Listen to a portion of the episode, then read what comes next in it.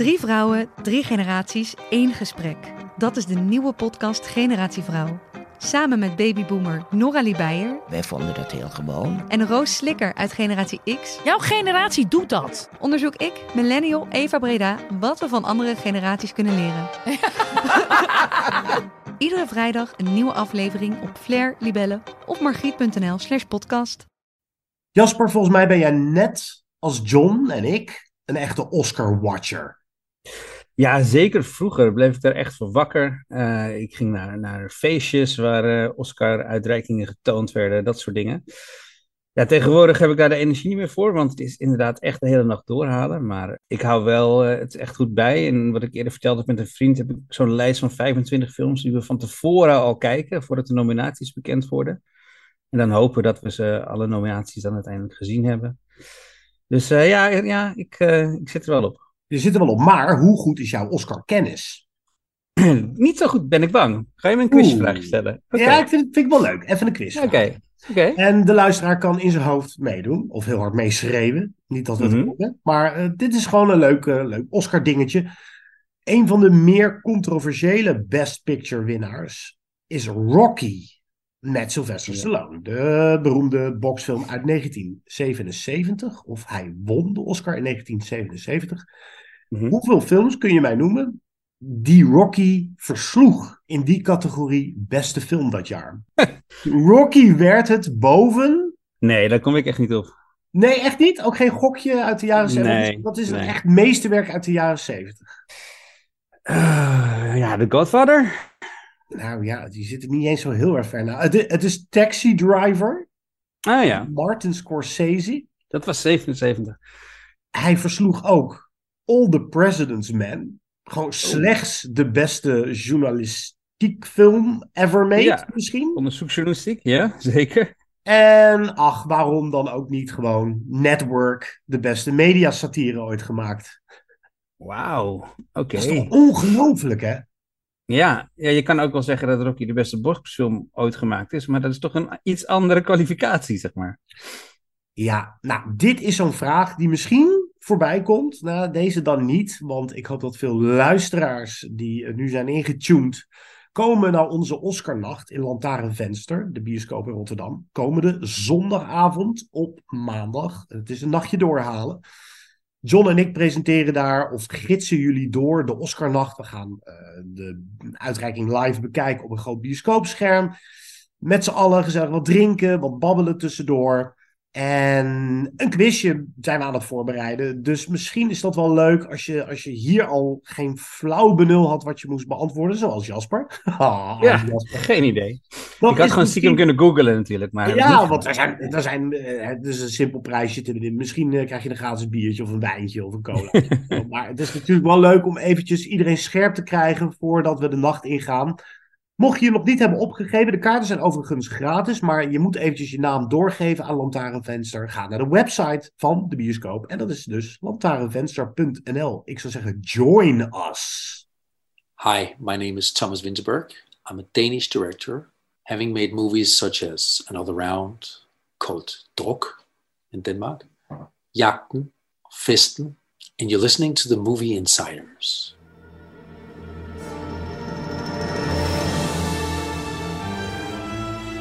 Good evening, ladies and gentlemen. We are tonight's entertainment. Movie Insiders. They're here. Why should I waste my time listening? Because I have a right to be. I have a voice. Groovy. Hallo allemaal en welkom bij een nieuwe aflevering van Movie Insiders. De podcast die je kan vinden op allerlei podcastplatforms, onder andere Spotify of Apple Podcast. Laat ons daar vooral eens een 5 sterren eh, recensie achter, want dat helpt ons heel erg met eh, nieuwe luisteraars bereiken. Welkom, mijn naam is Jasper. Welkom, mijn naam is Guido. Ja, wat zijn we braaf eh, per Zoom podcastjes aan het opnemen, Jasper, de laatste weken. We hebben eindelijk de luisteraar een beetje een belofte kunnen maken die we ook echt nakomen. Ja, en het moet ook weer via Zoom, want jij ziet er nog steeds eh, belabberd uit. Eh Dank je wel daarvoor. En je hebt nog gelijk ook, want eh, met ondergetekende gaat het nog steeds niet briljant. Ik heb corona overleefd. Maar mijn energieniveau is nog niet al te best. Ik heb een lekkere bijholteontsteking bijgekregen. Volgens mij staan wij bij de luisteraar inmiddels te boek als chronisch zieke mensen. Um, maar wel een filmlief minnende chronisch zieke mensen dan maar. En uh, mensen die heel graag aan de microfoon zitten om het over films te hebben. En we gaan er een aantal uh, bespreken die de moeite waard zijn. Vraagteken, daar gaan we op los. Strakjes onder meer Saint-Omer. En dat is een Frans rechtbankdrama. En daarmee doe ik de film al gelijk tekort. Maar waarom, dat hoor je strakjes. En wat gaan we doen met de Oscars strakjes, uh, Jasper? We moeten toch weer die Oscars nog een keer doornemen. Ja, want voor onze uh, volgende aflevering, uh, dan zijn de Oscars uitgereikt. Dus we gaan nu eventjes de Oscars doornemen en zeggen wie wij denken dat wint. En zeggen wie we zouden willen dat wint. En misschien kunnen we dan volgende week mooi even de score opmaken wie, wie er het meest goed had. Wie gewoon gewonnen heeft. Ja. Toch? Ja. ja. Altijd een leuk spelletje. En we beginnen met een film die een nominatie scoorde, die zo uit de lucht kwam vallen dat direct een hele rel uitbrak. We hebben het er al heel even over gehad in een aflevering twee weken terug. Andrea Riseborough als konijn uit de hoge hoed een nominatie voor beste actrice na een grondige grassroots campagne waarbij haar acteervrienden op social media elkaar helemaal gek maakt met als je deze vrouw niet voordraagt voor een Oscar, dan uh, zijn jullie gek. En het is nog gelukt ook. Maar wat vinden we eigenlijk van haar en wat vinden we vooral van de film in kwestie? Dit is To Leslie. Hey, fat baby. Hey, hey. What did I say? No drinking! Mother. You cannot talk to me Mother? this way, James. Mother? Uh, yes, your mama. You're Stop a it. drunk! I'm sick. I'm not gonna do this again. I'm not. You? What about me? We were supposed to have a good life. I don't want this for you. I had a good life until you showed up. I'm not even 20. I can't even drink yet and I have to take care of my mother. I have to take care of you. I made one rule no drinking, and you couldn't last a fucking day. I'm sad. To Leslie dus. En Andrea Riseborough met haar controversiële nominatie. Maar zonder die nominatie was de film waarschijnlijk niet in Nederland uitgekomen. En dat zou toch zonde zijn geweest. To Leslie is het debuut van regisseur Michael Morris. Hij maakte hiervoor eigenlijk alleen afleveringen van tv-series. Maar niet de minste. Zo maakte hij vijf afleveringen van het geniale Better Call Saul. Maar denk ook aan titels als For All Mankind, Billions, Halt and Catch Fire, House of Cards en nog heel veel meer. Grote kans dus dat je wel eens iets van hem gezien hebt. To Leslie is gebaseerd op een waargebeurd verhaal en gaat over een, nou ja, laten we zeggen, een beetje white trash alleenstaande moeder die bijna twee ton in de loterij wint.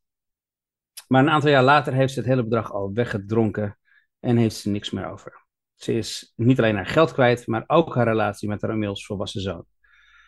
En het is niet zo dat we haar neerwaartse spiraal volgen in de film. Sterker nog, we gaan haar pas volgen zeven jaar na haar loterijwinst. Ze heeft de bodem al bereikt en zich er goed bekend meegemaakt. En ze woont à la Florida Project in een motel, maar zelfs daar wordt ze uitgegooid. Leslie is een alcoholist, maar grijpt ook graag naar andere middelen. Eigenlijk alles wat ze kan krijgen. Na een mislukte poging in te trekken bij haar zoon, komt ze uiteindelijk terecht in haar geboortedorp, de plek waar ze ooit die loterij won. Het scenario en Riceborough maken duidelijk dat eigenlijk iedereen Leslie liever ziet gaan dan komen. Er zijn dan ook weinig kanten aan haar die wel likable zijn. Ze is te egoïstisch, te verslaafd. De film doet eigenlijk geen poging om ons uit te leggen hoe het zover gekomen is. Dit is een film over mensen die zo zijn, mensen die echt bestaan. Dit is geen Hollywood-personage waarvan je ervan uitgaat dat ze er wel weer bovenop komt. Nou, Guido, ik had het twee weken geleden dus al even kort over die rol van Riceborough. En ik zei toen dat ik de nominatie zeker niet onverdiend vind. Hoe vind jij dat? Fijn dat dit soort rollen ook de aandacht krijgen, of had je toch liever Viola Davis met haar vijfde nominatie gezien?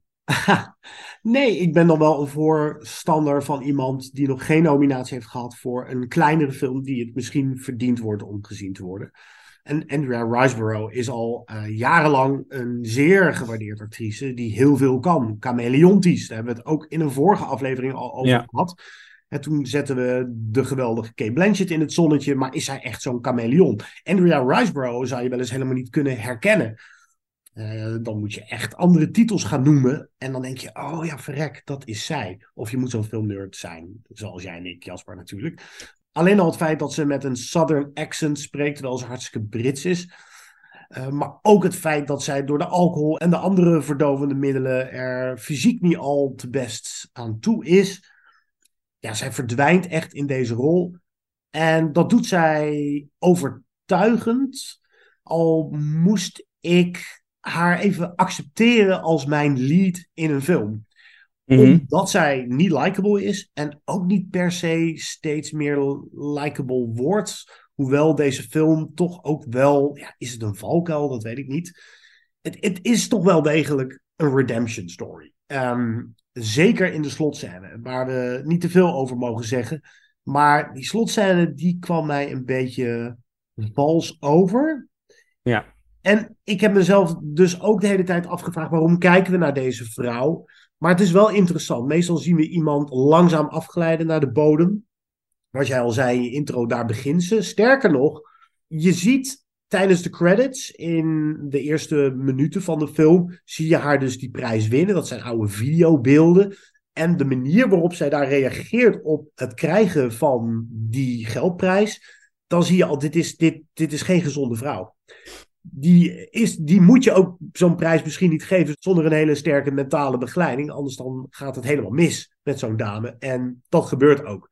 Dus het is interessant om te zien en bij jezelf te ontdekken of de vraag te stellen: vinden wij dat deze vrouw een tweede, derde, misschien wel duizendste kans verdient of niet? Um, en die vraag kreeg ik voor mezelf niet helemaal beantwoord. Het is wel een film met heel veel empathie voor misschien wel mensen die we te makkelijk afschrijven als een wrak, terwijl ze misschien ook altijd zo geweest is en nooit de juiste personen om zich heen heeft gehad. Dus dat vind ik Ja. dan toch ook wel weer mooi. Ja, ik ben het helemaal met je eens. Ik denk eh, dit, bij deze film misschien wel dat, dat de rol misschien wel groter is dan de film. Ehm, de film is op zich prima, maar wat je zegt, een beetje voorspelbaar. En, en, en nou, ja, de, de derde acte voelt inderdaad erg onverdiend. Maar ik vind Riceborough echt heel goed. Eh, ze, is, overtuigend als ze dronken is, wat niet, niet makkelijk is. Ze is overtuigend als ze egoïstisch is en anderen pijn doet. Overtuigend als ze zelf pijn ervaart. Eh, en zelfs in die enigszins ongeloofwaardige laatste acte is ze nog overtuigend. Ehm, en we leren inderdaad weinig over wat er precies fout is gegaan met Leslie. Maar dat komt ook omdat de filmmakers zelf wel weten dat wij het wel zelf kunnen bedenken wat er mis is gegaan. Want dat zie je gewoon. En het geniale aan die rol vind ik dat ehm, Leslie ook een hekel aan zichzelf heeft. En maar al te goed begrijpt waarom iedereen een hekel aan haar heeft. Eh, het is gewoon heel duidelijk in de film, ze heeft onvergeeflijke dingen gedaan. En heel lang is de film niet van plan haar eh, daar zomaar me- mee weg te laten komen. En ze is er ook helemaal niet op zoek. Het is ook opvallend dat ze, ze, ze heeft het nooit over de EE of een, een 12-step program of iets in de richting. Daar is ze helemaal niet mee bezig. En Riceborough speelt het heel mooi. En ik vind ze heel precies is in hoe ze Leslie lichamelijk neerzet zet en in, haar gezicht neerzet. Eh, de buitenkant dus. Maar met die buitenkant geeft ze ons ook net genoeg hints om te zien wat er binnenin Leslie gebeurt. En dan vind ik ook nog dat ze heel mooi het verschil laat zien in hoe ze zich voelt als ze nuchter is en als ze dronken is. Want als ze wat gedronken heeft, dan glimlacht ze weer. Dan is er iets van haar zelfvertrouwen terug. Dat vind ik ook wel mooi om te zien. Ja, zeker. En dan is ze ook iets redelijker. Ja. Want we zien haar ook heel vaak in de beschonken toestand. En vooral tijdens hele gênante momenten die ik moeilijk vond om naar te kijken. Als zij bijvoorbeeld een bar ingaat en daar versierd wil worden door een kerel. Al is het maar om aan drank te komen of even onderdak te hebben. Want zij belandt echt op een gegeven moment letterlijk op straat. Na een wat onhandige eerste acte, zou je kunnen zeggen. Waarin je Ja. de poverty clichés een beetje over je heen gedumpt krijgt Zij gaat schreeuwend van locatie naar locatie. Um, denk je, oh jee, het is zo'n soort film. Uh, uit het motel gezet. Dan krijgt ze een duizendste kans, dus waarschijnlijk ook weer uh, om bij haar zoon eventjes uh, aanwezig te zijn, die ze al heel lang niet gezien heeft. Maar die zoon denkt, nou ja, laat ik, het is toch mijn moeder. Stelt een paar duidelijke regels. Ik wil geen drank hier zien en ik wil dat je gewoon binnen blijft. Nou, dat, je weet, dat gaat allemaal mis. Dus op een gegeven moment is wel het moment aangebroken, vond ik, om het verhaal verder te brengen. Of niet alleen maar Mm. dat fragmentarische, eh, eh, mevrouw gaat van punt A naar B en C en we eindigen daar. En dat, En dat, en dat het is wel fijn dat we op een gegeven moment, eh, komt er een kantelpunt en nou, daar moeten we het misschien eh, zo over hebben. Maar wat vond jij van die eerste acte? Ze belandt ook nog eens bij twee... ik, moest alleen al, ik moest al zo lachen om die namen. Ik geloof dat ze Dutch en Nancy heten. Ja. En Nancy wordt dan gespeeld door Alison Jenny. Dat is, ehm, nou ja, volgens mij de koningin van het spelen van bitches tegenwoordig. Zeker sinds haar Oscar-winnende rol in I, Tonya. Zij speelt echt het meest gruwelijke white trash ehm, wat je kan bedenken. En zeker tijdens die scènes dacht ik, waarom zit ik hier nou naar te kijken? Wat, ehm, wat schiet ik op met deze vrouw eh, in, en deze poverty porn? En dan gebeurt er toch iets eh, miraculeus. Ja, ik vond eh, de rol van Alison Jenny eigenlijk een beetje karikaturaal bijna. Ik, ik, ja, je wist ook al van tevoren al waar haar arc gaat eindigen. Ik vind de rol niet goed uit de verf komen, maar gewoon niet goed geschreven, denk ik. Daar kan Alison Jenny verder niet aan Nee, doen. want zij is echt heel overtuigend. Ik vind Ja. haar fantastisch eigenlijk, altijd. Maar, maar de rol is gewoon niet zo goed geschreven. Terwijl het wel, ehm, het heeft nog wel een beetje een diepere laag. Want zij en Dutch, eh, die zijn boos op, op Leslie. Omdat eh, wat, wat Leslie allemaal gedaan heeft. En een zoon in de steek heeft gelaten. Maar je weet natuurlijk ook dat ze, toen Leslie dat geld had. Hebben ze natuurlijk vrolijk met haar meegedronken. En hebben ze haar ondergang, eh, daar, daar hebben ze aan bijgedragen. Zeker. Ja. Maar er is een andere band in die film. ehm, die eh, veel belangrijker is. Namelijk dat ze op een gegeven moment van onze mede-podcaster Mark Maron, stand-up comedian, eh, een baan en een onderdak krijgt als schoonmaker in zijn motel. En dat vind ik een hele mooie relatie. Eh, ten eerste, als kijker weten we wel, dit is een grote kans voor haar, hè? een kans op iets van een toekomst. Maar kan Leslie dat zelf zien? En in eerste instantie, toen ik het keek, dacht ik ook van, oké, die, die Mark Maron, het karakterpersonage, is wel heel vrijgevig. En, en, en de goedheid, en, dat leek me een beetje vreemd. Tot je op een gegeven moment later in de film iets meer over zijn achtergrond ehm, leert. En dan veel beter begrijpt wat hem drijft. En die gesprekken zijn ook nog extra beladen, omdat Mark Maron zelf, de acteur, nogal een veel besproken alcoholistisch verleden heeft. Dus ehm, ja, die speelt echt wel een mooie rol daar. En hun band vind ik ook heel goed werken. Ze zijn heel erg tegengesteld. Hij is super aardig, eh, recht door zee, eenvoudig. En zij is een gekwelde, manipulatieve ziel die eigenlijk alleen maar aan zichzelf denkt. En ik vond het ook heel mooi geschreven. De eerste keer dat hij haar ontmoet en, en, en hij biedt haar die baan aan, dan doet hij alsof hij haar verwart met iemand die echt kwam solliciteren voor die baan. En daarmee geeft hij haar, op die manier geeft hij haar al een beetje waardigheid, zodat ze die baan kan accepteren, zonder al te veel schaamte. En dat terwijl hij nog niet eens kent. Ja, en dat is een eigenschap, of eh, dat, dat is een eigenschap behorend tot een mens die nooit in Leslie's omgeving te vinden was. Exact. Mm, En dat is heel mooi. En ja, ik denk dat hij begint met medelijden. Mhm. En dat hij haar daarom die baan aanbiedt. Terwijl zijn compagnon, van wie dat motel ook echt is. eh, Ook een eigenzinnig type is dat trouwens. Bubbles at the wire, ja. Oh, voilà. Die, eh, die zegt, ja, dat moet je niet doen. Dit, eh, hier ga je spijt van krijgen. En eigenlijk krijgt hij alle redenen om daar spijt van te krijgen. Alleen geeft hij niet op. En je krijgt ook weer nou, redelijk subtiel met voldoende informatie mee waarom hij doet wat hij doet. En het is een, een, een brokje empathie in het leven van Leslie, waardoor zij toch verandert. Toch geneigd. Zij wordt eigenlijk aangesproken op haar verantwoordelijkheidsgevoel. En hoe. Zij, zij ziet op een gegeven moment in dat bijna niemand meer weet hoe ze is zonder de verdovende middelen en alcohol. En dat gezicht gunt zij hem. En dat vond ik redelijk ontroerend. Eh, ik ben helemaal eens met je dat Andrea Riseborough deze Oscar-nominatie heeft verdiend. Maar ik vind eigenlijk de rol van Mark Maron eigenlijk minstens zo sterk. Omdat je, eh, het is een prachtige tegenpol. Maar ook zo'n heerlijke au naturel acteerprestatie van iemand die duidelijk niet naar acteerschool is geweest, maar gewoon dit in zijn ziel meedraagt. Ja. Dus eh, ik dacht, oh jee, is dit Mark Maron? Gaan we, dat echt, eh, gaan we dit echt doen? Maar hij komt daar heel goed mee weg. En je gelooft ook dat hij uit die streek komt en dat hij allerlei akelige dingen heeft meegemaakt en dat hij die extra mile wil gaan om haar misschien op het rechte pad te helpen. En dat doet hij soms veel te geforceerd, ehm, waarna hij doorkrijgt dat ze op het punt staat om te vertrekken en dan krijgt hij daar toch spijt van. En dat bij elkaar optellend resulteert dan in een scène aan het slot.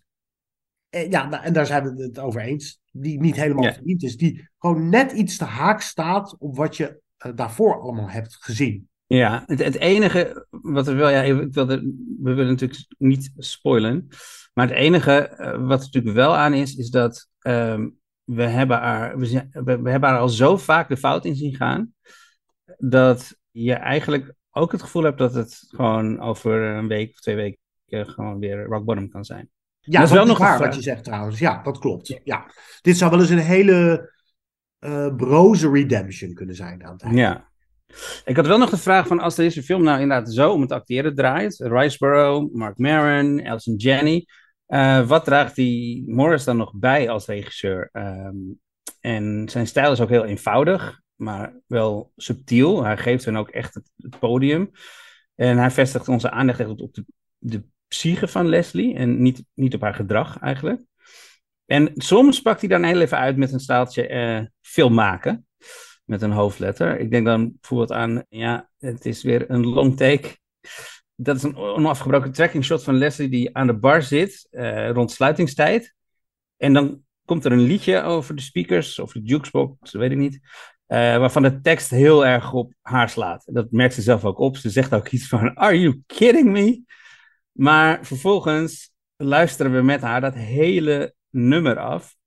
Terwijl die camera haar steeds closer in beeld brengt. En we lezen in haar gezicht alle schuld en, en pijn en al haar excuses voor haar gedrag. En hoe ze anderen juist de schuld geeft. Maar we zien ook daar langzaam het begin van een besluit. En ja, dat is echt heel erg sterk, sterk spel van Riceborough. Maar ook heel sterk regisseren. Want Morris weet gewoon wat zijn beste troef in deze film is.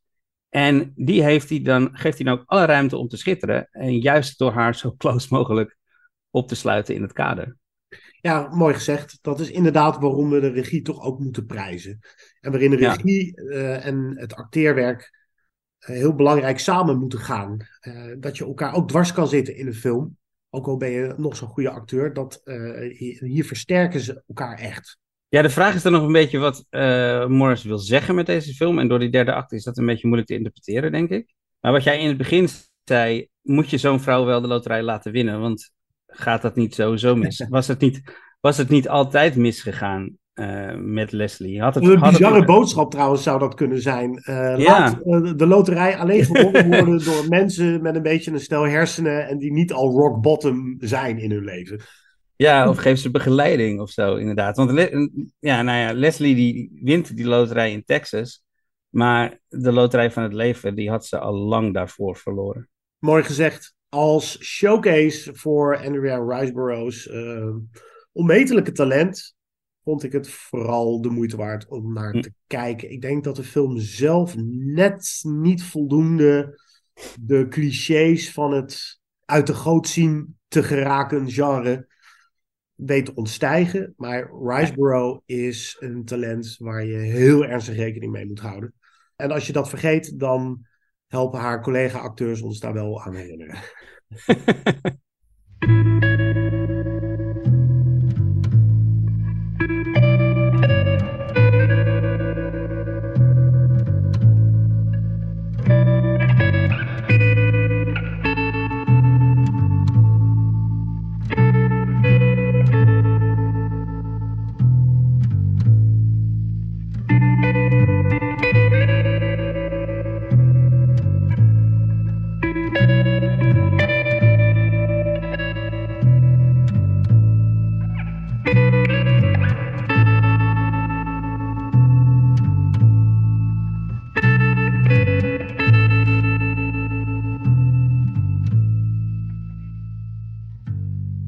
Dat was een stukje uit de score van To Leslie, gecombineerd door Linda Perry. En dan gaan we nu door naar een film die helemaal geen score heeft.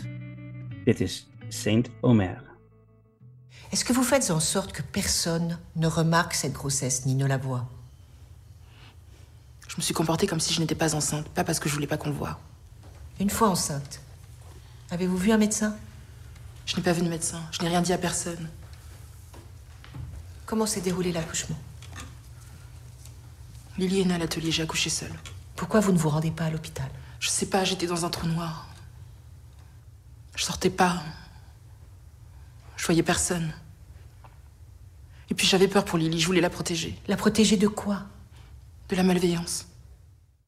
Ik weet niet hoe het met jou zit, Jasper, maar ik mis een beetje het rechtbankdrama. Dat vooral in de jaren negentig hoogtij vierde toen we werden doodgegooid met de een na de andere John Grisham verfilming. Van The Client en The Rainmaker tot A Time to Kill en The Firm.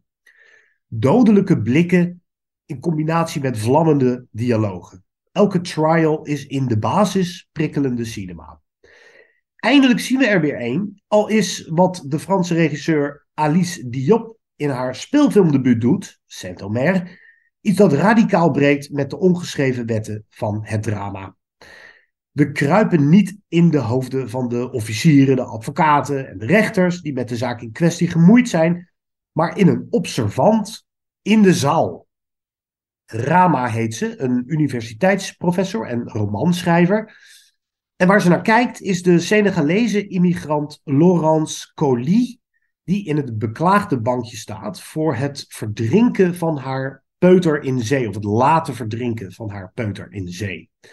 Deze dame ontkent de moord niet, maar zegt zich er niet voor verantwoordelijk te voelen. Door Rama's ogen, en dat is cruciaal in de Saint-Omer, wordt deze film geen trial procedure, maar een bijna filosofische meditatie op moederschap, klasse en culturele verschillen. John Grisham-fans zullen er misschien van denken: ik wil verdorie gewoon een lekker rechtbankdrama zien. Komen zij, Jasper, hier toch ook voldoende aan het trekken? Um, nou ja, minder dan, dan bij een John Grisham film. Ik denk wel dat de film, uh, voor mij in ieder geval, uh, had het een paar interessante openbaringen over de Franse gang van zaken in de rechtszaal. Want dat gaat wel anders dan we gewend zijn in, in Amerika of in Nederland. Ze hebben een juryrechtspraak, dat wist ik helemaal niet. Wist jij ja, dat? ze hebben een juryrechtspraak. En het gekke is ook dus dat de beklaagde eigenlijk voornamelijk uh, bevraagd wordt door de rechter en niet door de, de advocaat ja. of de officier van justitie. Dus op die manier geeft het wel een inkijkje in de Franse rechtsstaat. Maar deze film is, het is een rechtszaakfilm, maar de film is eigenlijk niet zo geïnteresseerd in de rechtszaak. Het komt ook een beetje door de ontstaansgeschiedenis van deze film, want Rama is duidelijk een avatar van Diop zelf.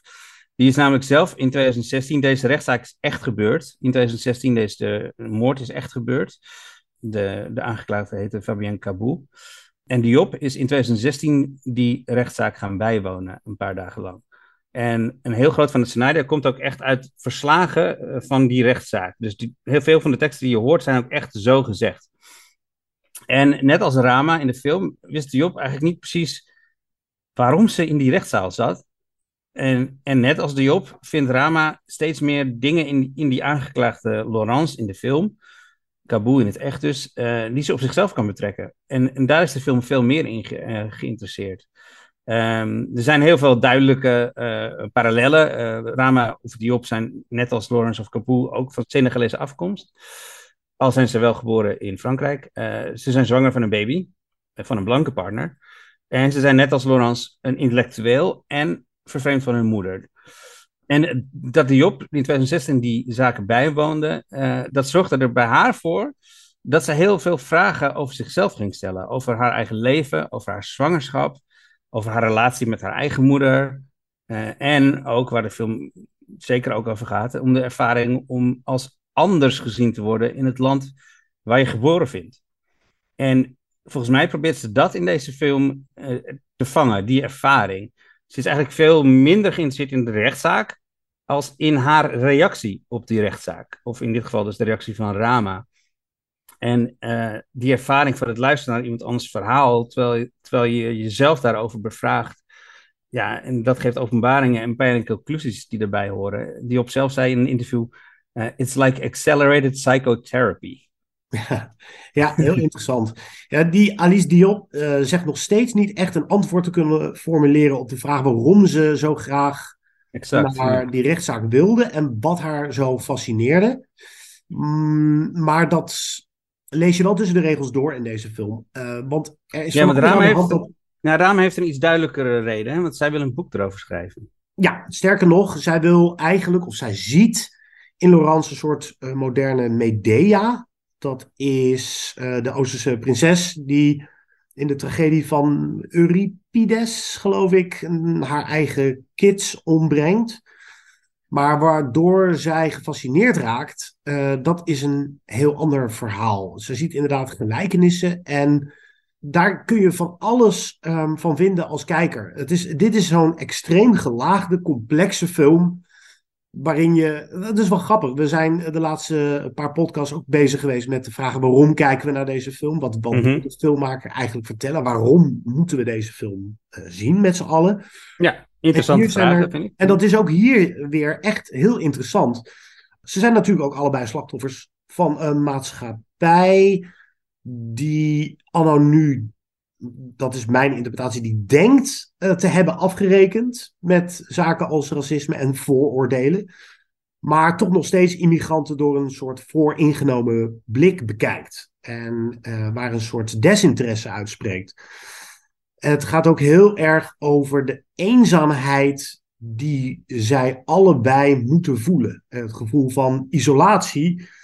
Maar het gaat ook over alleenstaande ouderschap en hoe vrouwen zich door trauma's verbinden. Om het nog complexer te maken. En om, om terug te komen op mijn eigen vraag, is dan ook de John Grisham-fan uh, geboeid?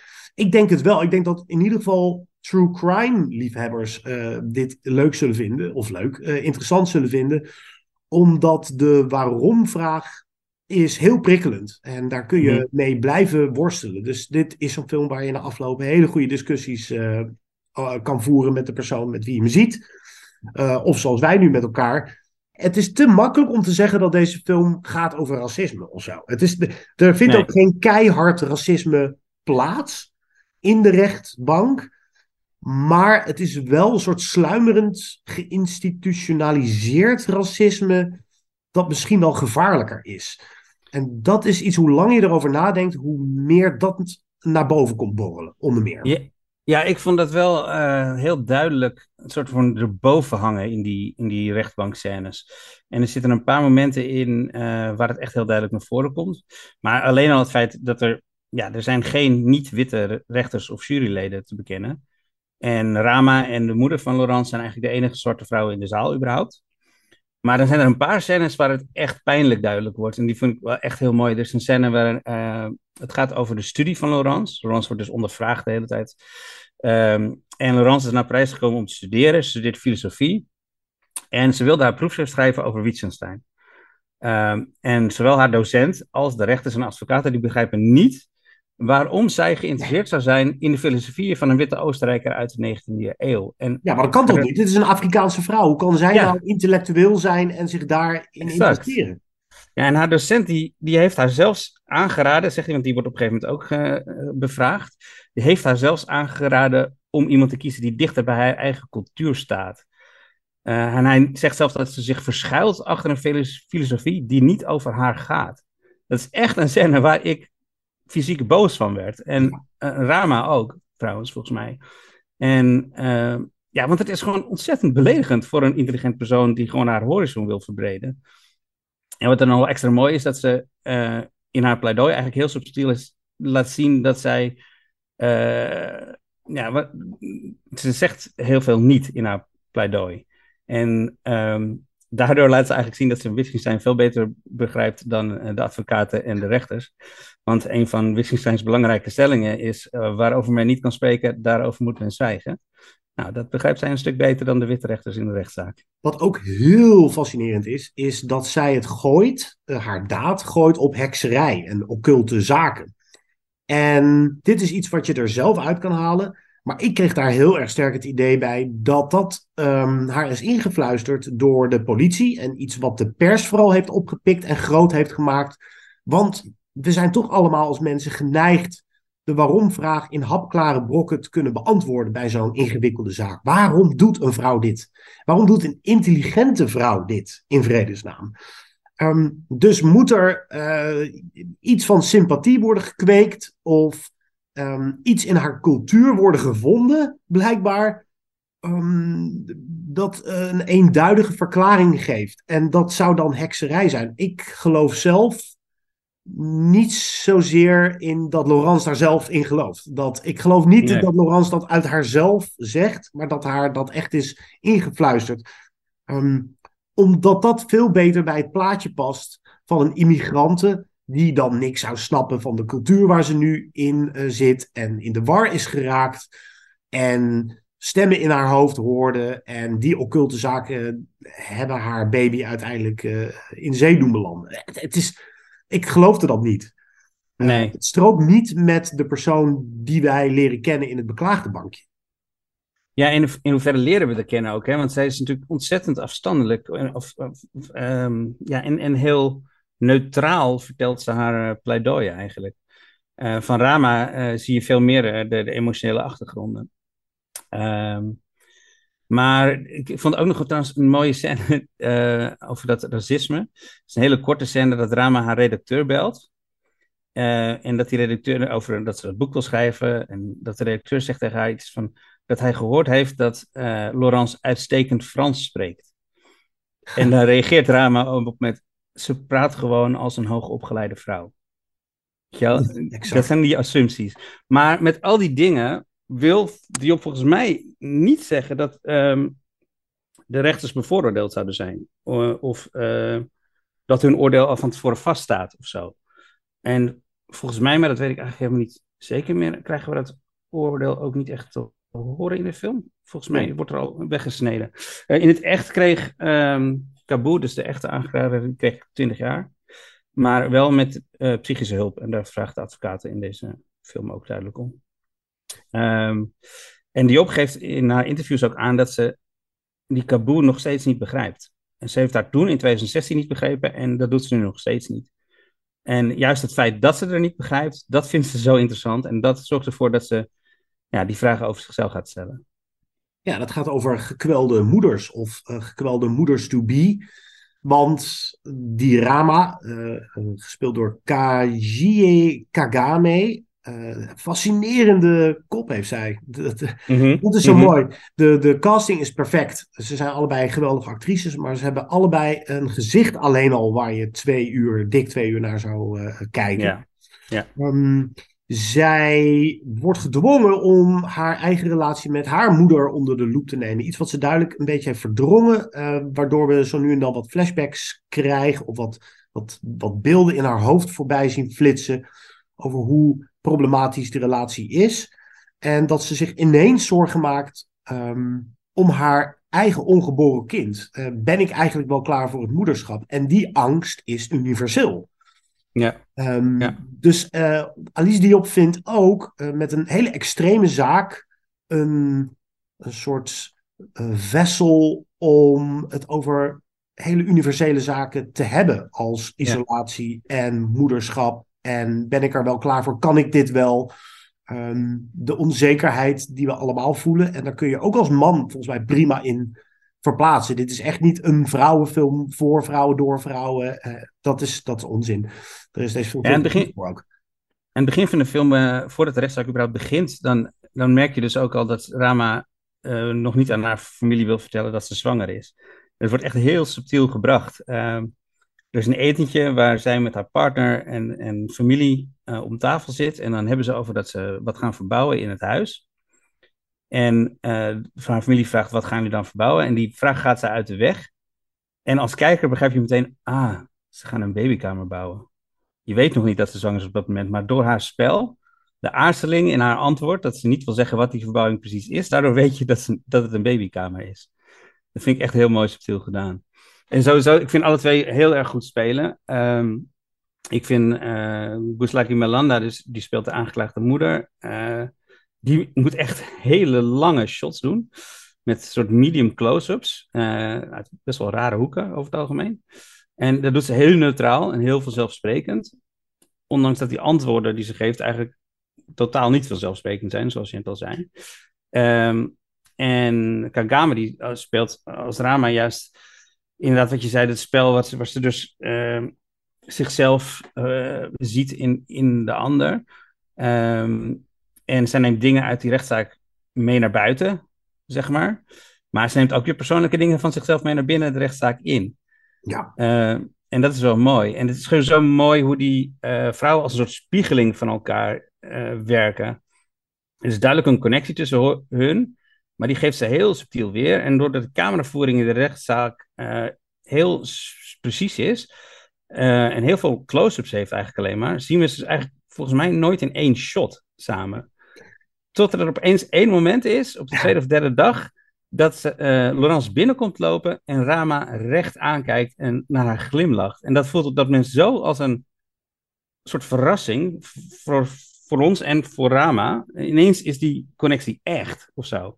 En dat, eigenlijk is die blik natuurlijk heel logisch, want ze kijkt gewoon de zaal en ze ziet één zwarte vrouw in de zaal zitten.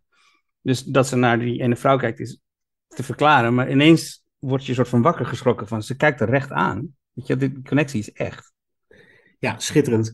Het is heel knap geregisseerd, waarin er geen ontkomen aan is. Uh, want er zijn hele lange shots waarin de camera gewoon blijft staan op Kuslagi Balanda als Laurence. Het deed ja. me bijna een beetje denken aan het, uh, het hele oude vroege werk van Carl Theodor Dreyer en, en een film als La Passion de Jeanne d'Arc. Ja. Heel knap gedaan. En ik kan me ook voorstellen dat zo'n Alice Diop ook heel erg heeft geworsteld in de scenariofase, maar ook in de editingfase. Hoeveel van die flashbacks moet ik erin doen voordat het te corny wordt? Mm-hmm. Niet dat ik um, dat een element vond dat mij uit de film haalde. Uh, ik, ik kwam eigenlijk tot de conclusie, er zit precies voldoende van in om Ja. iets mee te krijgen wat het in Rama ontwaakt. Deze hele zaak. En daar gaat het om. Dus deze film buigt zich over de schuldvraag. Simpelweg omdat we er naar kijken, naar een rechtbank. Maar het tilt ehm, de thematiek ver over die schuldvraag heen. En dat is dapper en, en knap gedaan. Zo'n soort film zag ik volgens mij niet eerder. Ehm, het is geen makkelijke film. eh, maar ik denk dat zelfs, om nog een keer terug te komen op de John Grisham eh, eh, fans, Hm. dat zij hier op zijn minst door geprikkeld zullen raken. Ehm, dit is zo'n heftige zaak.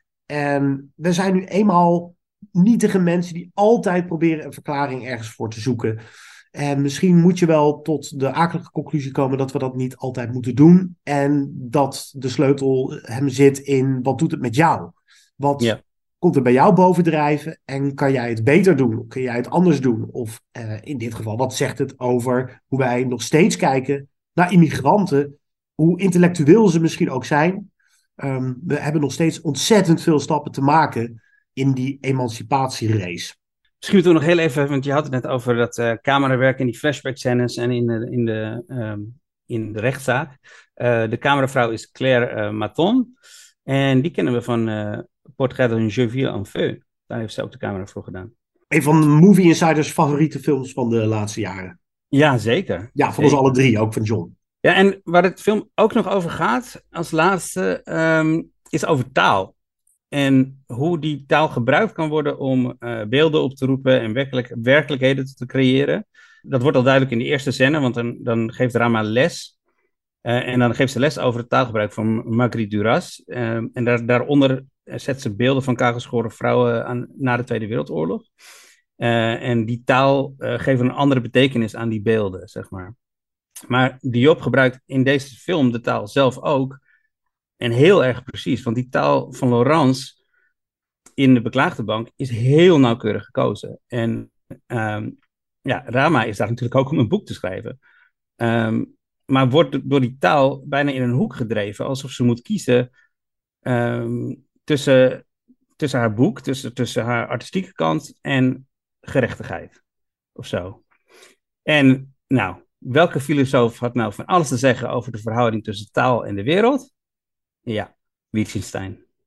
Saint-Omer was de Franse inzending voor de Oscars, maar wist die nominatie niet te verzilveren.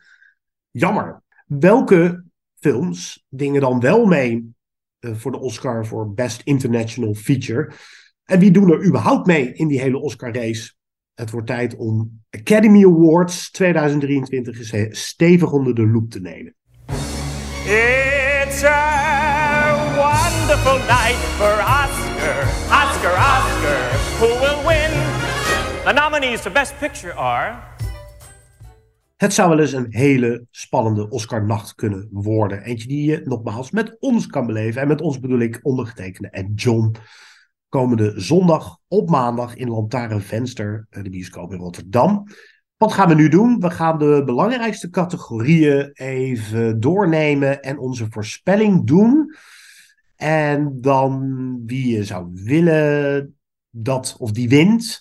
En dan misschien ook eventjes wie had daar zeker tussen moeten zitten. Nou, dat, Het leuke van de Oscars is dat je natuurlijk ook kan blijven mopperen over wat er allemaal weer is overgeslagen. Wat is de grote snap van elke categorie? De snap. Zullen wij gewoon beginnen met waar we gebleven waren, namelijk die Oscar-categorie voor Best International Feature, heette vroeger Best Foreign Language Film. Daar wilde ik trouwens sowieso nog iets over zeggen. Uh, ze hebben die naam dus veranderd in Best, Best International Feature.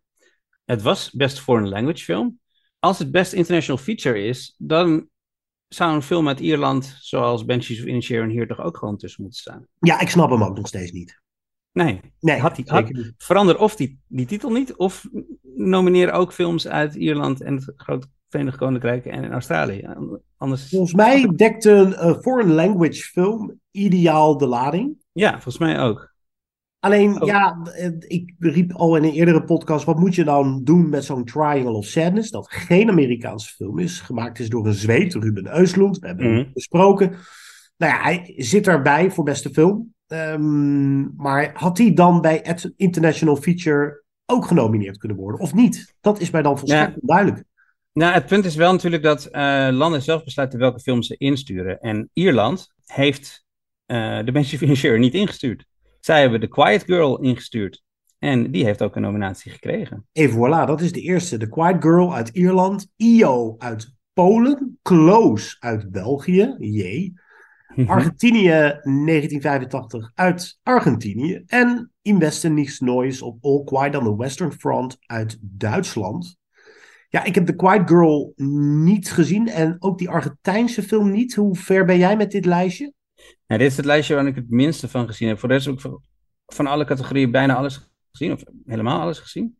Behalve Avatar, dat weiger ik gewoon. Maar. Uh, weiger je zelfs? Uh, ja, um, van deze heb ik het minst gezien. Waar, uh, ja, wie gaat winnen, dat kan je wel afleiden aan de andere nominaties. Want er zit, zit één film tussen die genomineerd is, ook genomineerd is voor gewoon beste film. Dus ja, dat, dat zal wel de winnaar worden. Dat kan bijna niet anders. All Quiet on the Western Front. En dat is ook weer zo'n eeuwige discussie. Moet je die dan ook aan de grote, tussen aanhalingstekens, categorieën laten meedoen of dan juist niet? En heeft dan international feature categorie nog wel zin? Want die is ook hm. in het leven geroepen omdat er meestal Engelstalige films alleen maar meedingen uh, voor de grote hoofdprijs. Maar het is al veelvuldig gebeurd dat ze uh, weten door te breken naar Best Picture. Dat gebeurde, nou, in Parasite was het zelfs zo. Die won hem natuurlijk. Won hem ook. Maar ik uh, weet nog, bijvoorbeeld Crouching Tiger, Hidden Dragon had en een nominatie voor de buitenlandse film en voor beste film. Het gebeurt steeds vaker. En vorig jaar uh, hadden we natuurlijk Drive My Car, was ook een beste film nominatie. Dus hier is uh, het simpele trucje nog. Wat ja. is, is, het ook genomineerd voor beste film? Nou, dan wint hij in ieder geval deze international feature. Dus het moet heel raar lopen, wil in Westen Noise deze prijs niet winnen, toch? Ja, hij heeft echt heel veel andere nominaties nog in andere categorieën. Dus ja, dit wordt zeker de winnaar. Maar wat, wie zou je willen dat wint?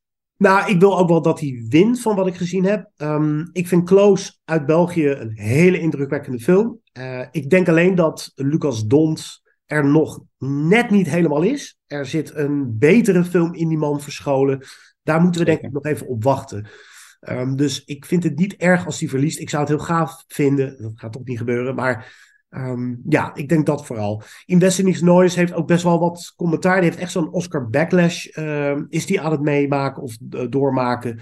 Want mensen zeggen, ja, het is toch weer een oorlogsfilm. En doet hij nou heel veel anders dan andere oorlogsfilms? Nou ja, ik vind van wel. Ik Ehm, ook, ja. Zeker. Ehm, ik ben wel een verdediger en ik vind hem heel knap gemaakt.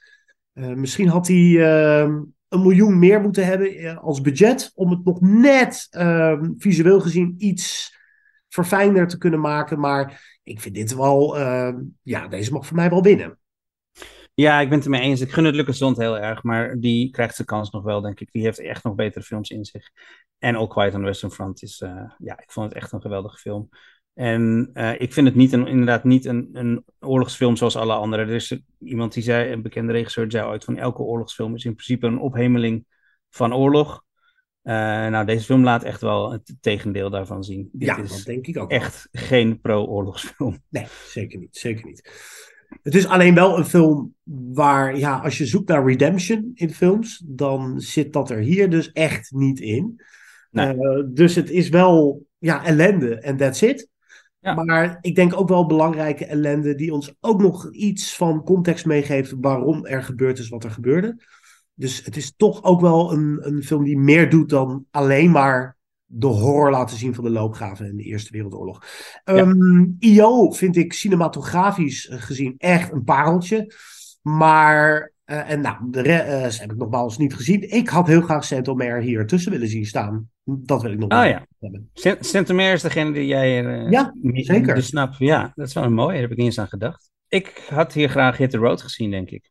Van eh Pana Panahi. Oh ja, die moet ik nog steeds zien. Ja, Ja, echt een prachtige film. Eh, die verdient veel meer aandacht. En die had echt, echt wel een nominatie hier verdiend. Zullen we doorgaan met de categorie voor beste animatiefilm?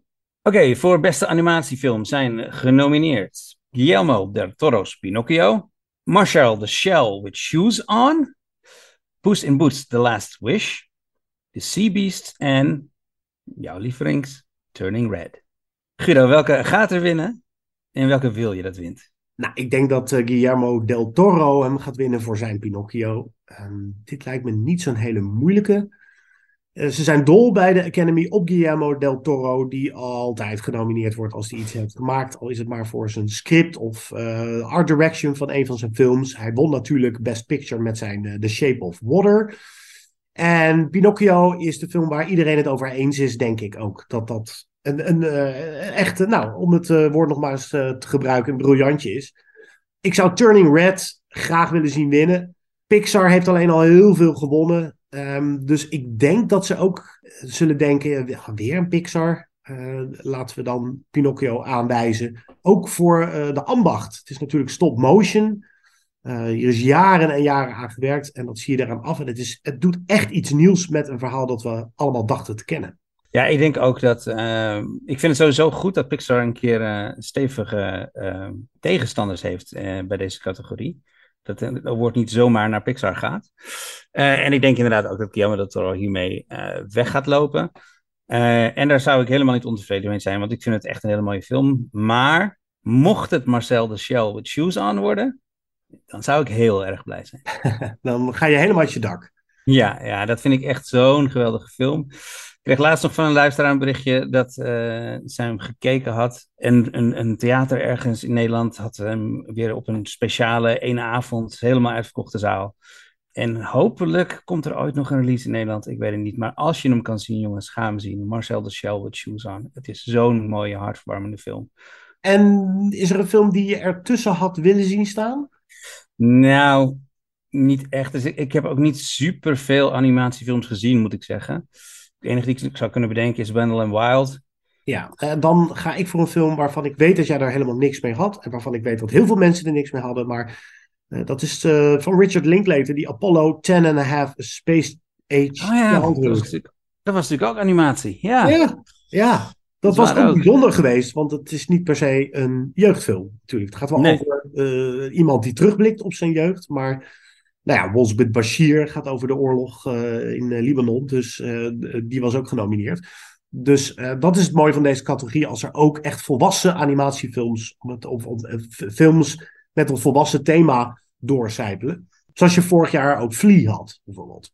We gaan naar de beste vrouwelijke bijrol. Genomineerd zijn Carrie Condon uit The Banshees of Inisherin. Jamie Lee Curtis uit Everything Everywhere All at Once. Stephanie Shu, ook uit Everything Everywhere. Angela Bassett uit Black Panther, Wakanda Forever. En Hong Chao, The Whale. Ja, ik denk dat deze echt wel een van de moeilijkste is om te callen. Uh, als je kijkt naar de awards die gegeven zijn, uh, de, de Doctors Guild Awards, de SAGs, um, ja, dan gaat het echt. Er zijn eigenlijk drie die dit zouden kunnen winnen en die staan ongeveer op dezelfde odds. En dat zijn Angela Bassett voor, Black Panther, Jamie Lee Curtis en Carrie Condon voor Banshees. Ik denk dat Angela Bassett hem gaat winnen. Hmm. Ook omdat er natuurlijk heel veel kritiek is uh, dat er weer te weinig representativiteit was, uh, te weinig diversiteit was. Uh, dus dat kan bij de stemmers misschien ook nog een beetje meespelen. Um, en zo iemand als Carrie Condon, die gaat natuurlijk nog wel meer films maken. Ja, wie ik wel had, eigenlijk het meest zou willen dat winnen, is denk ik misschien wel degene die de minste kans heeft om te winnen. En dat is Hong Chao uit The Whale.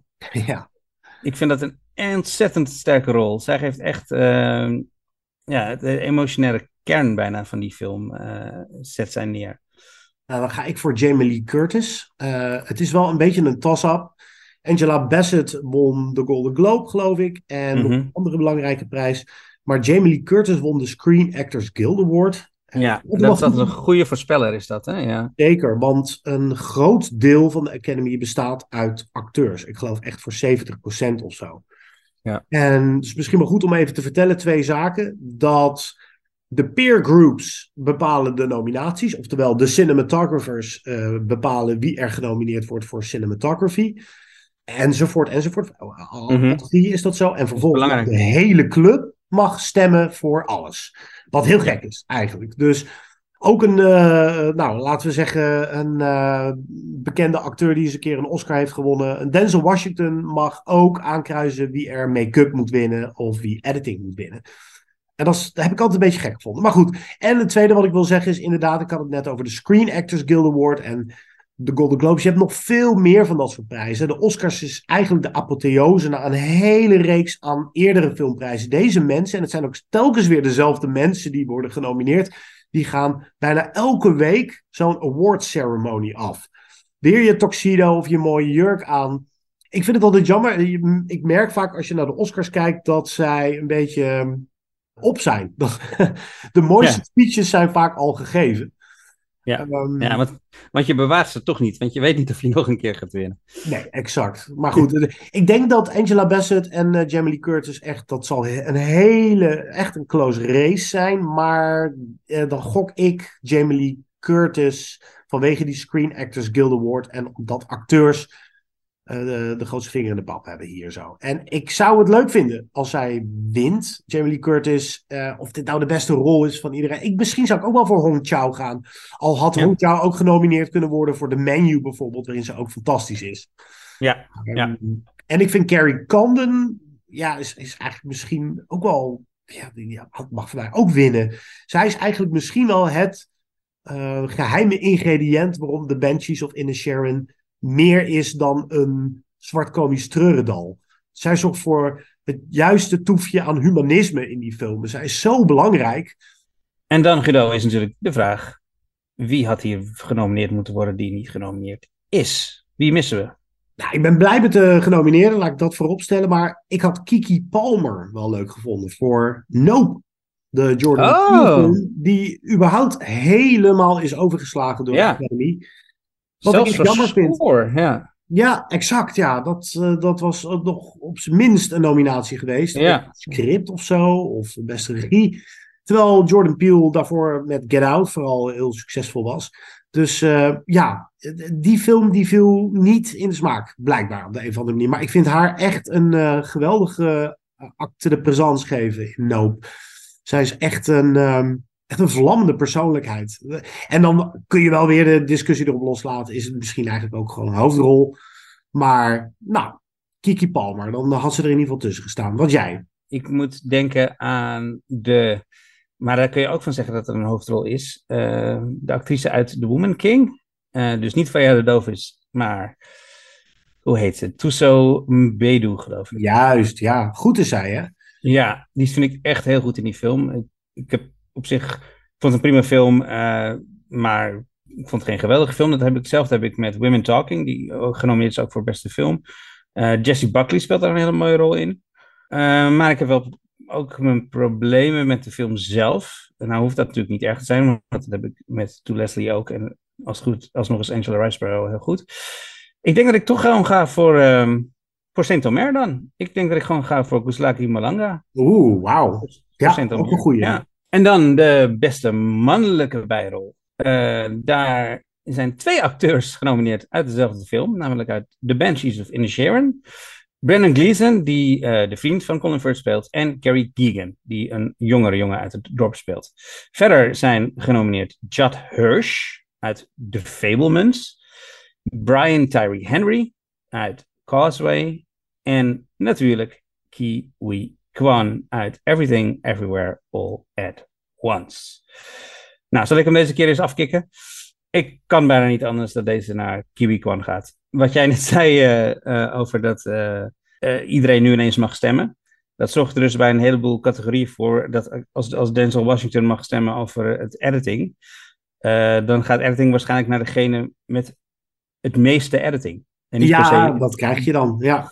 En niet meteen de subtielste editing, zeg maar. Uh, en Kiwi Kwan is duidelijk hier degene met het meeste acteren. Hij speelt heel veel verschillende rollen in deze film. Hij doet het ook echt heel goed. Hij is de emotionele kern van deze film.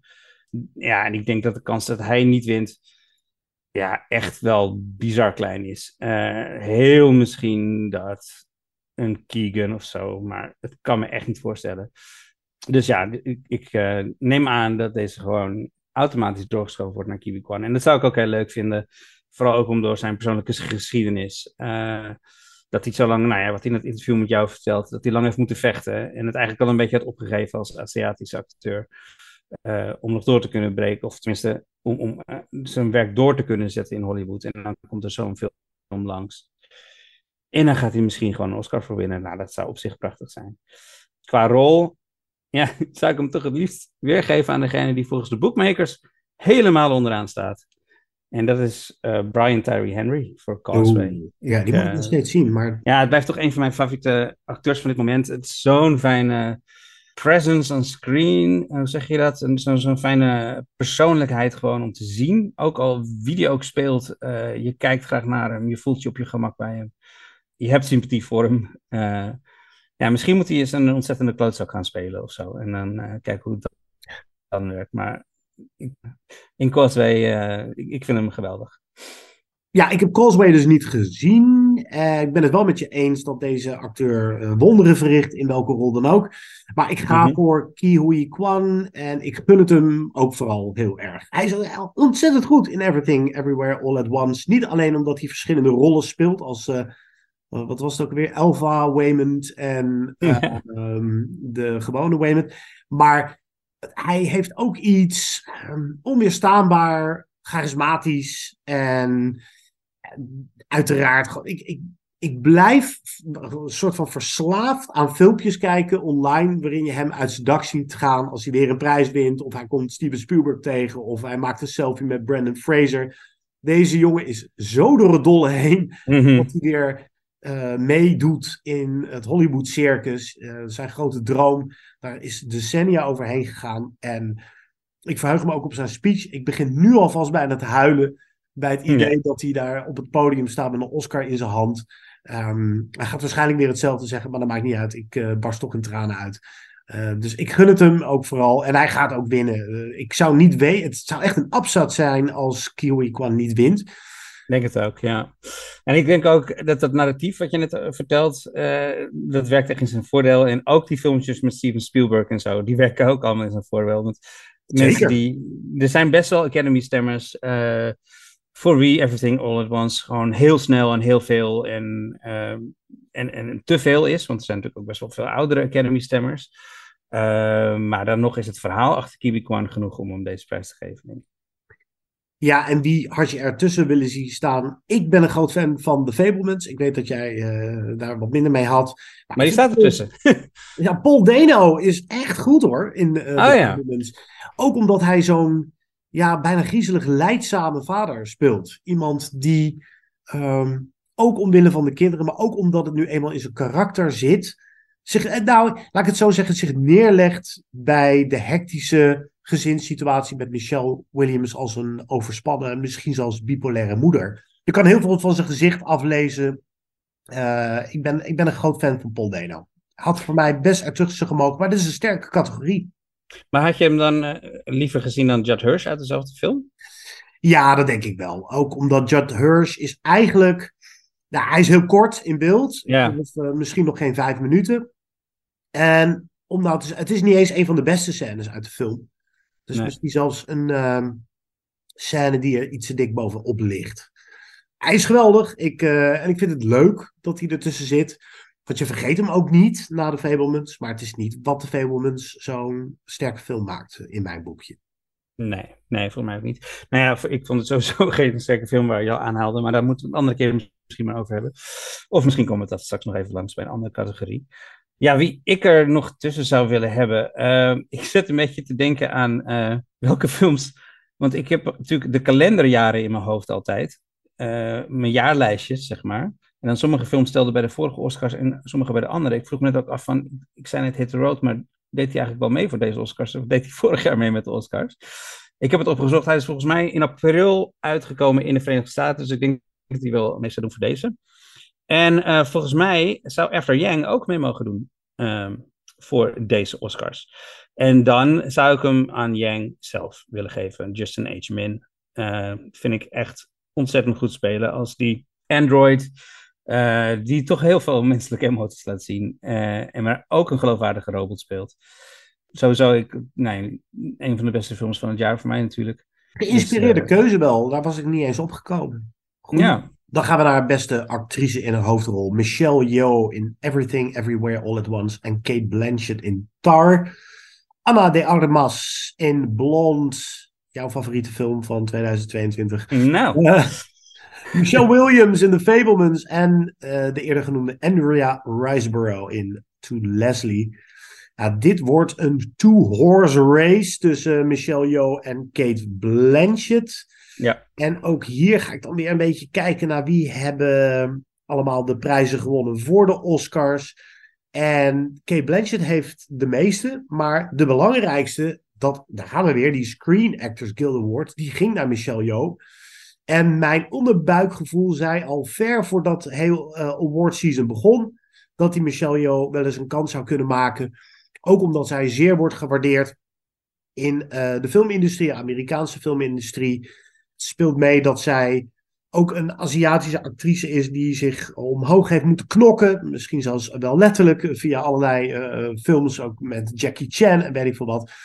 En, en in deze, deze film ook behoorlijk veel martial arts trouwens. Veel martial arts, maar ze mag ook haar veelzijdigheid laten zien, ook als emotioneel of dramatische actrice. Dus, en Kate Blanchett heeft al een paar Oscars op haar schoorsteenmantel staan. Dus ik denk, um, ik blijf bij mijn oorspronkelijke gevoel dat Michelle Yeoh gaat winnen. En dat zou ik uh, hartstikke gaaf vinden. Misschien dat Kate Blanchett wel de beste rol van de vijf geeft. Dus misschien als ik echt gewoon al dat onderbuikgevoel wegdruk en puur kijk naar wie gaf de beste acteerprestatie van de vijf, dan zou misschien Kate Blanchett toch moeten winnen. Maar ik gun hem echt aan Michelle. En daarmee bedoel je niet Michelle Williams. Exact. Je moet wel een goede Michelle. Michelle Yeoh. Ja, ja, want Michelle Williams die uh, acteert uh, zoveel dat ze genoeg acteert voor alle vijf deze actrices. en iedereen anders in de Fablemans. Maar goed. Um, uh, ja, inderdaad, Michelle Yeoh. Ik denk dat ze hem gaat winnen. Het is echt een close call. Uh, maar ik denk ook dat ik denk gewoon dat die hele domino uh, de kant van Everything Everywhere All at Once opgaat. Zo uh, gedurende de avond. En dan gaat deze dus waarschijnlijk ook naar Michelle Yeoh. Je zei, Kate Blanchett heeft er twee op haar naam staan. Dat is natuurlijk één bijrol en één hoofdrol. En die hoofdrol was in Blue Jasmine. Dus dat is nou. Ja, dit is, ik vind wel deze rol, Tar, wat we vorige week zeiden, is echt een culminatie van haar hele carrière. Uh, dit is de, de rol die haar, haar carrière definieert, bijna, die al haar rollen samenvat. Ik vind haar by far de beste actrice van deze vijf. Nou ja, wie had er tussen moeten staan dan? Wie, wie ja. missen we hier? ja, ik vind dit ook heel lastig. Ik, uh, ik denk dat ik toch terugga, uh, ja, dat is, is vervelend voor jou, een film die je niet gezien hebt. Maar naar Jennifer Lawrence voor Causeway. Oh, wauw. Ben je zo dol op die film ook? Ik dacht dat, dat je vooral... Nou, de film zelf is trouwens is, is, is aardig, niet eens zo geweldig. Maar ik vind Jennifer Lawrence echt heel goed spelen. Wat ik trouwens nog even erover moet zeggen, is dat een luisteraar uh, attendeerde er ons op uh, vorige week, of twee weken geleden, toen we het over Causeway hadden.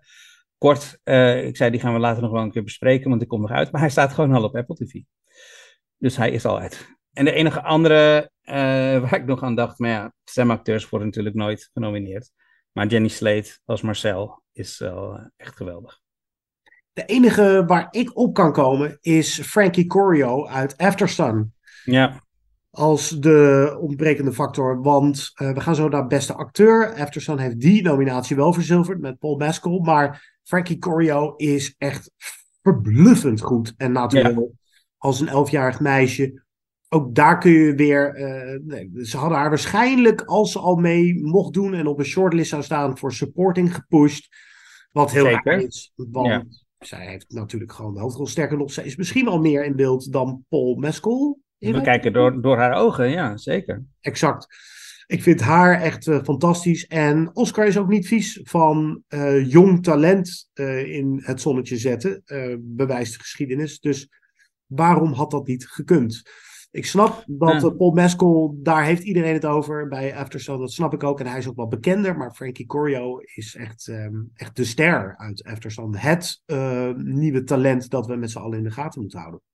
Ja, ik vind het altijd, ik, niet zozeer omdat ze jong is, maar sowieso voor een debuutrol. Ik vind het altijd heel lastig eh, oordelen hoe goed iemand acteert voordat ik er een tweede rol heb zien spelen. Want eh, misschien kan Frankie Corio alleen maar dit. Ja, dat is een hele goede vraag. Nou ja, Anna Paquin is eh, na de piano ook misschien nooit meer zo goed geweest. Alhoewel, nou, dat is niet helemaal waar. Anna Paquin is wel een hele verdienstelijke actrice natuurlijk. Maar Ja, ik gun Frankie Corio ook een hele mooie carrière, maar ik wil graag nog haar tweede rol zien voordat ik er echt eh, naar voren duw als eh, het grote nieuwe talent. snel door naar de beste mannelijke hoofdrol. Wie hebben we daar? Nou, onze favoriete film van het jaar, Elvis. Austin Butler is genomineerd voor Elvis. Eh, verder Colin Farrell voor The Banshees of Inisherin. Eh, niet voor After Yang. Brendan Fraser voor The Whale. Paul Mescal dus voor After Sun. En Bill Nighy voor Living, die ook nog in mijn top 10 van het eh, 2022 stond. Wie gaat hier winnen, eh Guido? En eh, wie had je eh, gewild dat zou winnen?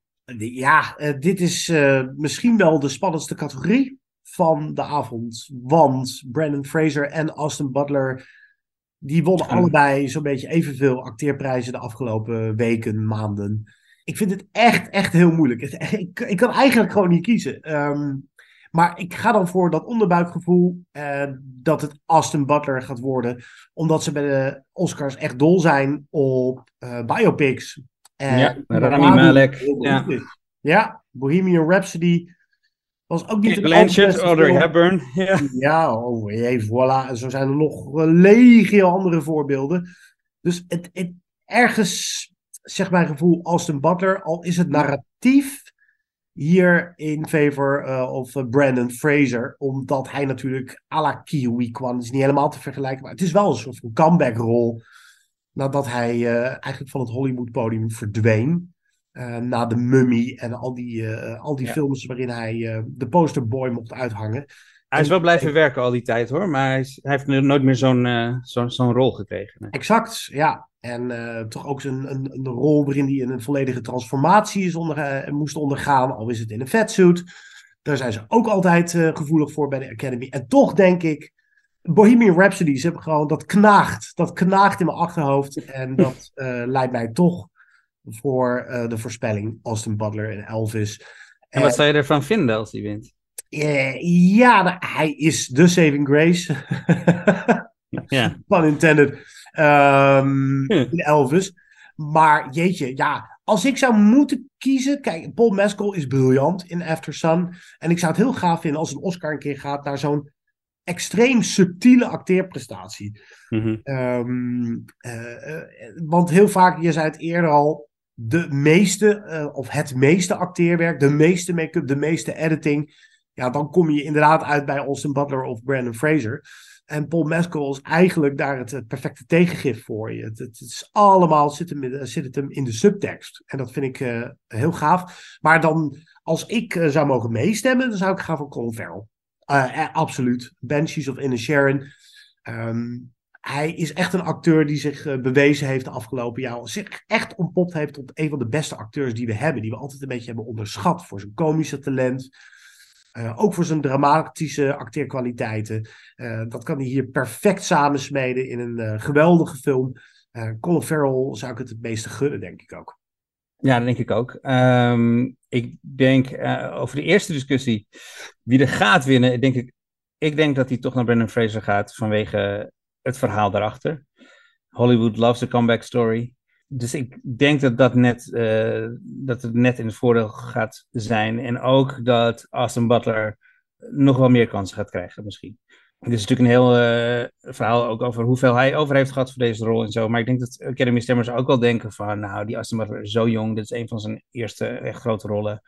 Die komt nog wel een keer aan, aan de beurt. Terwijl Brendan Fraser is dit waarschijnlijk zijn laatste kans om een Oscar te winnen. Ja, dat is waar. Oké, prima. Dus ik denk dat dat, eh, dat de doorslag zou kunnen geven. Eh, en voor mij, ja, wie zou moeten winnen is Paul Mescal. Dat is eh, gewoon de meest subtiele acteersprestatie. Eh, vooral als je Colin Farrell alleen maar meeneemt voor Banshees of Inisherin. Ehm als je hem voor beide films mag nomineren, dus voor Banshees en After Yang, dan, eh, dan zou Colin Farrell hem wel mogen hebben natuurlijk. Ja, maar dat, dat was ik vergeten te vertellen. Eh, De, als ik zou mogen stemmen, zou ik voor Colin Farrell gaan. En dan zou dat ook zijn voor After Yang. En ook voor Ja. als de Penguin, waarin hij echt, echt heel iemand anders speelde. Over een vetsuit gesproken. Ja. Over vetsuit gesproken. Dus eh, ik vind het alleen heel moeilijk om een genomineerde te kiezen die er niet tussen staat. Wat jij, heb, heb jij daar een duidelijke kandidaat voor? Nee, ik vind het best wel een mooi lijstje, moet ik zeggen.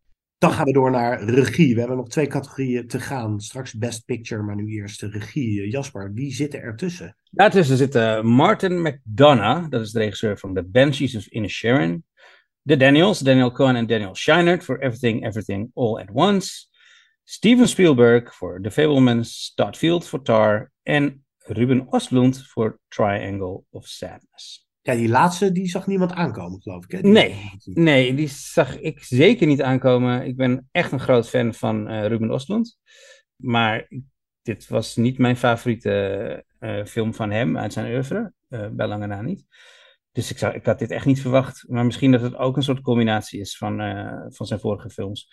Maar hij, voor de boekmaker staat hij ook echt heel erg ver onderaan qua kansen om dit te winnen. Ja, deze kan bijna niet anders dat, dat dit naar de Daniels gaat. Eh, er is nog een kleine kans eh, dat Steven Spielberg ermee wegloopt. Eh, gewoon omdat, ja, Steven Spielberg, die heeft pas één keer in zijn carrière een beeldje voor beste film gewonnen. Ja, dat klopt. Dat was Schindler's List. Hij heeft wel Ja. twee keer gewonnen voor beste regie. Hij won ook voor Saving Private Ryan. Maar toen ging beste film naar Shakespeare in Love. Ja, ja, inderdaad, ja. Dus dat zou nog kunnen dat ze, want ja, de- eh, voor beste film gaat de film, maakt veel mensen geen kans. En dat ze dan Spielberg toch iets willen geven. Eh, en hem dan de, de regie. Maar ik denk dat Everything Everywhere All at Once zo vernieuwend is. En dat zit hem toch echt vooral in het scenario en de regie. En die zijn alle twee van de Daniels. Dus ik denk dat hij meer nog dan de, dan de acteernominaties hier eh, het meest verdient ook.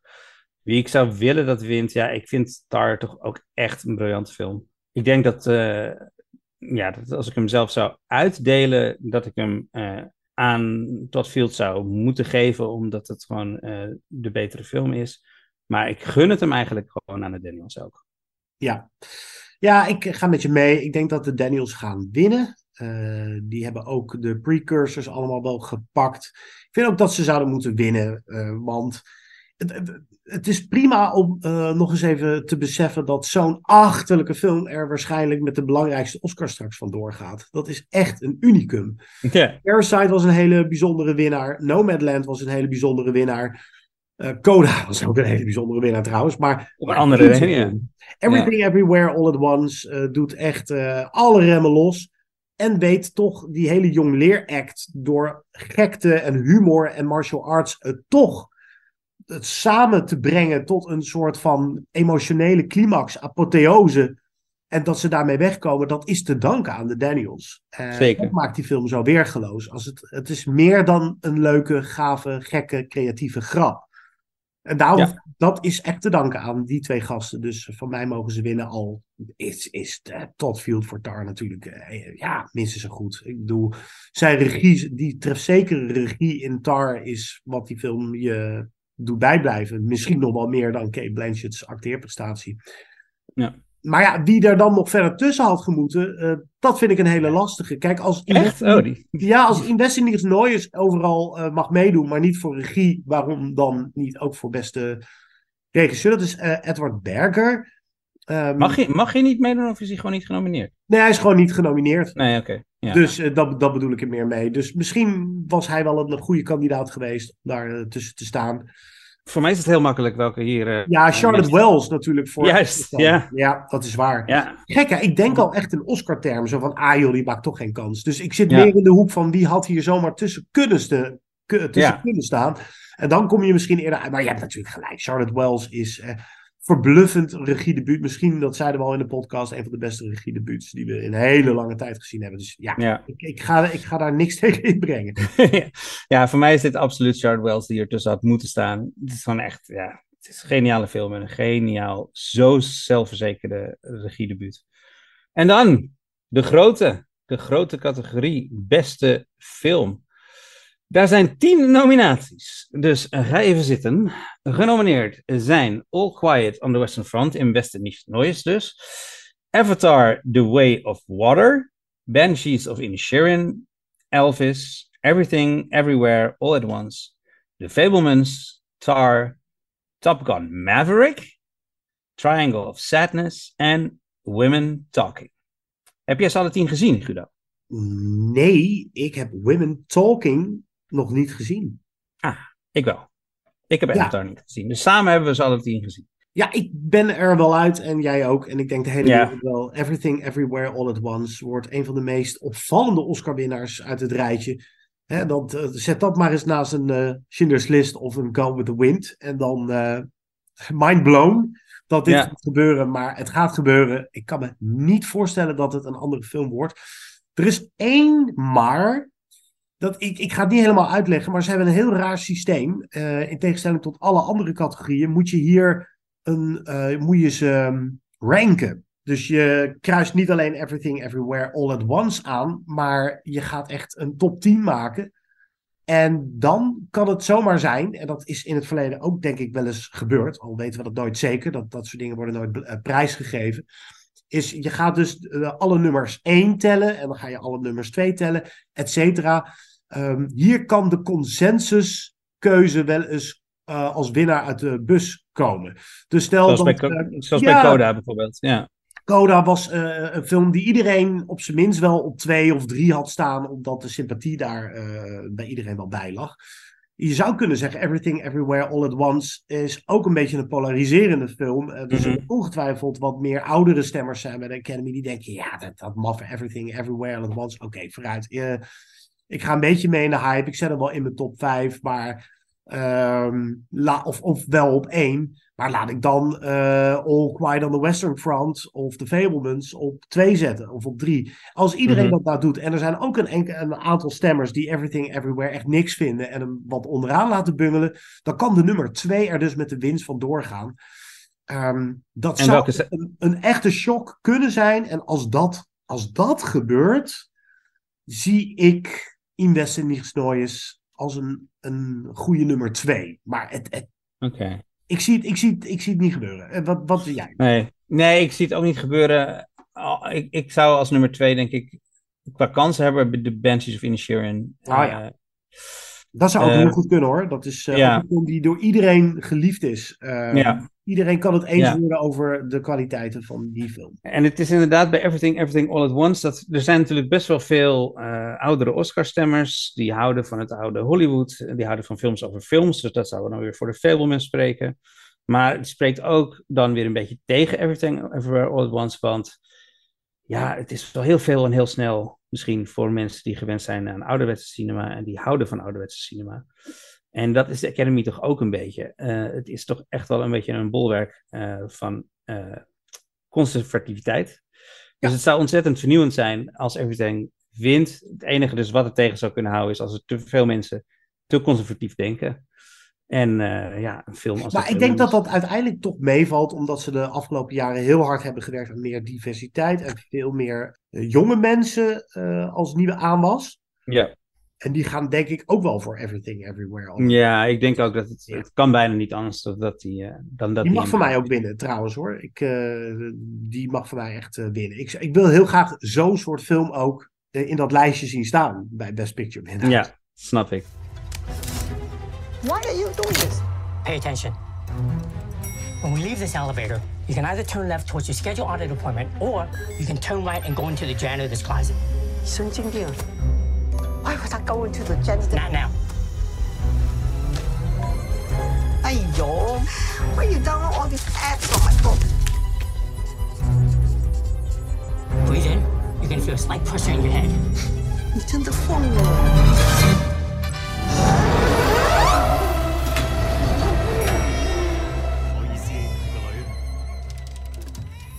Ja, en voor mij wat er uh, ontbreekt, ja, duidelijk, Aftersun. Aftersun, daar uh, gaan we niet moeilijk over doen. Nee. Nee, kunnen we lang en breed bij stilstaan, maar Aftersun had hem uh, dan ook gewonnen enzovoort, ja. waarschijnlijk. Ja. Als mensen hem echt gezien hadden, ja, ik denk het wel, ja. Wat zijn jullie voorspellingen van de Oscars? Vertel het ons via bijvoorbeeld een mailtje, movieinsiderspodcast.gmail.com. Vertel het ons via Twitter, at movieinsider, of via Instagram en Facebook. Of vertel het ons in persoon. John en ik, nogmaals, zijn in Lantaarnvenster te vinden. Sluit je gezellig bij ons aan om met z'n allen de Oscars te kijken. Van zondag op maandag en dat quizje te spelen. Uh, ik, weet, ik weet dat er luisteraars nu zijn die denken, die, die wil ik mailen. Die, die, die quiz die is voor mij. Nou, laat maar zien. komt allen, komt allen, geef je op. Geef je op via de website van Lantaarnvenster. Dit was Movie Insiders voor deze week. Wat we volgende week gaan doen, afgezien van ongetwijfeld even heel kort terugblikken op de Oscars. Want er moet weer een dreun worden uitgedeeld. Ja. Dat hebben we trouwens nog niet gezegd. Wie moet eigenlijk een uh, klap voor zijn bek krijgen dit jaar? de Will Smith Award. Of nou ja, Chris Rock dan eigenlijk natuurlijk. Uh, ja, geen idee. Nee. Ik ben wel benieuwd wat ze gaan doen met, die, uh, met de hosting. Sowieso, sowieso die award ceremony wordt natuurlijk steeds minder relevant, steeds minder goed bekeken ook. Ja, dan helpt zo'n klapje wel, want dan kijken er ineens weer heel veel meer mensen. Ja, en er zijn Avatar en Top Gun en Elvis doen mee. En ook Everything ja, daarom... All At was een, best een grote hit. Dus ja. het wordt wel gebroken met die niche Oscars van de laatste jaren. Ja, ik denk het ook. Um, ja, jullie gaan de ceremonie live zien. Ik, ik hoop dat het een, uh, een filmfeestje gaat worden. En dat mensen gewoon hun handen thuis houden. Ja, en wat we verder in de volgende podcast gaan doen, dat moeten we nog even gaan bekijken. Uh, er komt van alles uit. Er komt heel veel uit. Een nieuwe film met Adam Driver, 65 komt uit. Er komt een, een nieuwe François Ozon uit.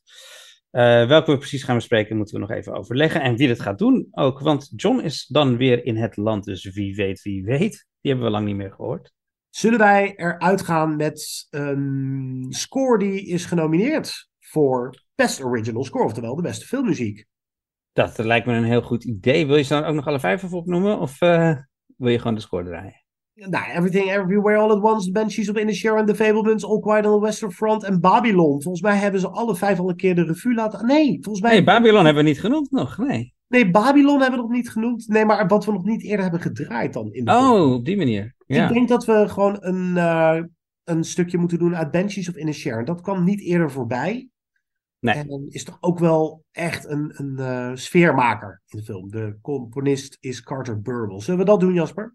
Lijkt me heel erg mooi. Alvast happy Oscars voor iedereen. En voor hen die niet wakker blijven, slaap lekker. Ik ben ook Dankjewel. een beetje jaloers. Dankjewel. Ik ga lekker slapen. En als ik wakker word, kijk ik op mijn telefoon en uh, zie ik dat Everything alles gewonnen heeft. Tot volgende week allemaal. Tot volgende week.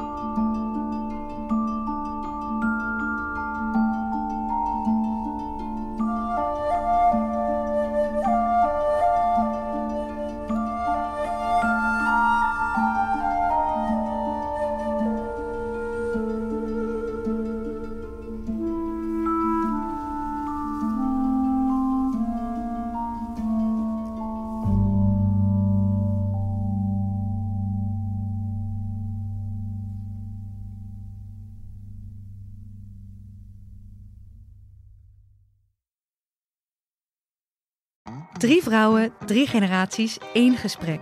Dat is de nieuwe podcast Generatie Vrouw. Samen met babyboomer Noralie Beijer Wij vonden dat heel gewoon. en Roos Slikker uit Generatie X Jouw generatie doet dat. onderzoek ik, millennial Eva Breda, wat we van andere generaties kunnen leren. Iedere vrijdag een nieuwe aflevering op Flair, Libelle of margriet.nl slash podcast.